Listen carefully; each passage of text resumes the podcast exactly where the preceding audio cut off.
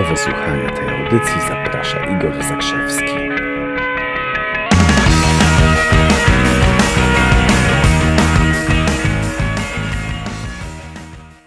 Depresja sprzedawcy. Dzień dobry, kochani. Igor Zakrzewski z tej strony. Przemiły tydzień to będzie, co? Umówimy się? Słuchajcie, depresja sprzedawcy. O co chodzi? Że przedsiębiorca musi być sprzedawcą.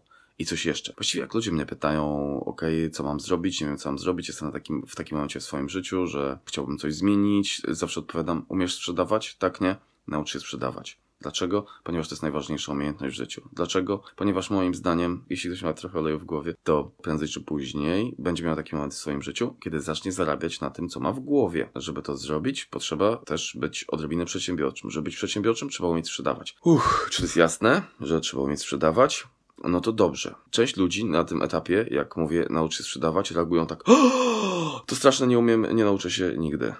Wiesz co, to, to, to nieprawda. Każdy się może nauczyć sprzedawać. Dziecko umie sprzedawać, tak? Dziecko jak pójdzie do mamy, mama powie nie, dziecko pójdzie do taty, mówi tata kup mi to, tata powie nie, pójdzie do babci i tak dalej. Znajdzie sposób. Każdy umie sprzedawać. Potem już takie dorosłe dziecko, uważaj, to jest taka zupełnie inna historia. Takie dorosłe dziecko mam na myśli już dorosły, ok? Zaczyna sprzedawać. Jeżeli, jeżeli jest do, dobry, czyli jeżeli potrafi sprzedawać, już liznął tego, że potrafi coś nam sprzedawać i w ten sposób zarabiać na życie, to czeka na niego bardzo poważne niebezpieczeństwo. Jakie niebezpieczeństwo? Sinusoida. Taka sinusoida, że raz będzie zarabiał lepiej, raz będzie zarabiał gorzej. Dlaczego? Część klientów kupi, a część klientów nie kupi. Takie to proste? Takie to proste. Tylko, że jakaś część sprzedawców, nawet spora wydaje mi się, bierze bardzo do siebie, bierze bardzo osobiście to, że klient od nich nie kupił. I co? I to jest błąd. Dlaczego? Już mówię, znam takich ludzi osobiście, którzy na przykład potrafili, w związku z tym, że raz klient kupi, raz nie kupi, no to jak kupi, to czują się świetnie, są w siódmym niebie, pięknie, szaleństwo, strzelają szampany, a jeżeli nie kupi, no to, no to depresja i w ogóle strasznie, strasznie się czują. Jakie są potem skutki tego? Ta wspomniana sinusoida, sinusoida pieniędzy, sinusoida nastrojów. Znam dziewczynę, która potrafiła dom wysprzątać tylko dlatego, żeby nie podnieść słuchawki i nie zadzwonić do klienta. Robiła wszystko, żeby odłożyć tę ekscytującą przyjemność związaną z rozmawianiem z ludźmi i zachęcaniem ich do czegoś. Potrafiła dom wysprzątać, zanim podniosła słuchawkę. No to już jest słabo. Bo teraz idźmy dalej. Czy to jest właściwe podejście? Być uwięzionym w, w sinusoidę? Nie, to nie jest właściwe podejście. A powiedz mi, mój drogi, moja droga, czy właściciel sklepu popada w depresję, że część klientów weszła do niego do sklepu i nie kupiła? No na czym się koncentrujesz? No koncentrujesz się na tych, którzy kupili, prawda? Nie znam przypadku właścicieli sklepów, którzy by się cieli z tego powodu, że klient wszedł i nie kupił. No jeden kupi, ok, inny nie kupi, też jest ok.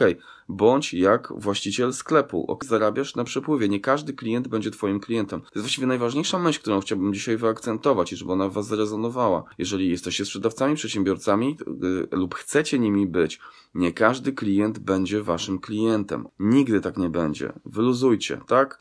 No ja wiem, że ktoś, ktoś tam się zgłosi, powie, no będzie prędzej czy później, jestem grabarzem. No to w porządku, no znalazł wyjątek. A poza tym wyjątków nie ma. Nie każdy będzie twoim klientem. Idziemy sobie dalej, bo są dwie możliwości wychodzenia na rynek do klientów. Jedni ludzie, tacy, którzy lubią być bardziej perfekcyjni, i jest uwaga, to też będzie bardzo ważne dla tych, którzy na przykład zastanawiają się, czemu im sprzedaż nie idzie, albo dla tych, którzy się zastanawiają, jak to zrobić, od czego zacząć. Mam jakiś pomysł na usługę, produkt, nie wiem od czego zacząć. To są dwie drogi. Ci z Was, którzy są bardziej idealni, bardziej perfekcyjni, najlepiej będzie, jeżeli opracują sobie profil idealnego klienta. Kto jest Twoim idealnym klientem? Jeśli to zrobią, wtedy tylko adresują swoją ofertę do idealnego klienta. I drudzy, drudzy, i przyznaję się, ja nie jestem idealny, kocham popełniać błędy, więc ja jestem z drugiego podejścia, tak? Bardziej, chociaż to pierwsze też czasami robiłem, ale jestem z drugiego podejścia. Drugie podejście brzmi próby i błędy. Jesteś tak oryginalny, jesteś tak unikalny, nie wiesz do kogo trafisz tak do końca. Możesz z jakimś tam przybliżeniem określić, do jakiej grupy docelowej trafisz, ale tak naprawdę to się sprawdzi w praniu. Więc musisz szybciutko, szybciutko, szybciutko bardzo się, co? Uczyć. Popełniasz próby błędy, nie określasz, kto jest twoim idealnym klientem, tylko idziesz w rynek i sprawdzasz i uczysz się. W jednym i w drugim przypadku będzie dochodziło do sytuacji, gdzie jeden klient kupi, inny nie kupi. Ci, którzy kupują, no to fajnie, to im dziękujemy i cieszymy się bardzo, jesteście piękni i wspaniali. Ale te, uwaga, co robimy z klientami, którzy nie kupili? Dziękujemy im przeogromnie. Nauczyłem się tego kiedyś i to mi bardzo życie ułatwia. Dążę z klientem do tego, jeżeli już dochodzi do, takiej, do takiego finalizowania rozmowy, dążę z klientem do takiej sytuacji, kiedy mówię, słuchaj, no dobra, to wydaje mi się, że już wszystko mówiliśmy, czy jeszcze masz jakieś pytania, nie masz, no to okej, okay, to powiedz mi, y, robimy coś, czy nie robimy, no i zostawiam w tym momencie przestrzeń na to i on powie, na przykład tak robimy, albo nie, nie robimy. Okej, okay. w porządku, nie teraz, a w przyszłości zostawiamy sobie jakieś, jakiś most, budujemy w przyszłość, coś, coś będziemy jeszcze razem robić, to no, tak być może, tak, ale na ten moment nie. Okay, bardzo Ci dziękuję, ogromnie Ci dziękuję, naprawdę sprawiłeś mi wielką frajdę. Wtedy nie jestem przeważnie zdziwieni, jak to sprawiłeś mi wielką frajdę. To, to naprawdę czyści nam wiele spraw, tak. Ja się nie będę zastanawiał, Ty sobie to zdejmiesz z ewidencji emocjonalnej, super, bardzo Ci dziękuję za decyzję, to jest super. Cieszę się, że tą decyzję podjąłeś. I naprawdę ja się czuję z tym spójny. Też czasami gdzieś wybieram się na jakieś spotkania, na przykład pójdę sobie y, i tak sobie myślę, a poza, pozagaduję kilku ludzi i też y, podchodzę, gadam z nimi, pytają mnie, czym się zajmujesz. A wie, ostatnio mówię, y, no wiesz co, ja jestem, wracaj do gry. No bo jestem takim gościem, który pomaga na przykład przedsiębiorcom, czy pomaga indywidualnym ludziom, którzy gdzieś tam trochę, no, przypikowali w dół, albo czują, że mogą przypikować, albo indywidualnym ludziom, którzy mogą przypikować w dół i coś tam mieli fajnie w życiu, ale im się popsuło. No to jestem takim gościem, który, który może im pomóc.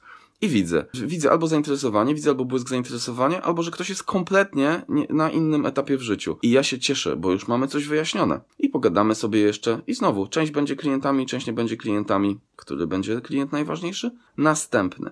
Ci z Was, którzy naprawdę chcieliby się przejmować tym, że nie każdy klient będzie jego klientem. Słuchajcie, na świecie jest jakieś 7 miliardów ludzi, już zdaje się zdecydowanie więcej. Większość z nich jest na Facebooku. Naprawdę przejmowałbyś się, przejmowałabyś się, że nie wszyscy staną się Twoimi klientami? No to ten, no to jedziemy. Cześć, do dzieła.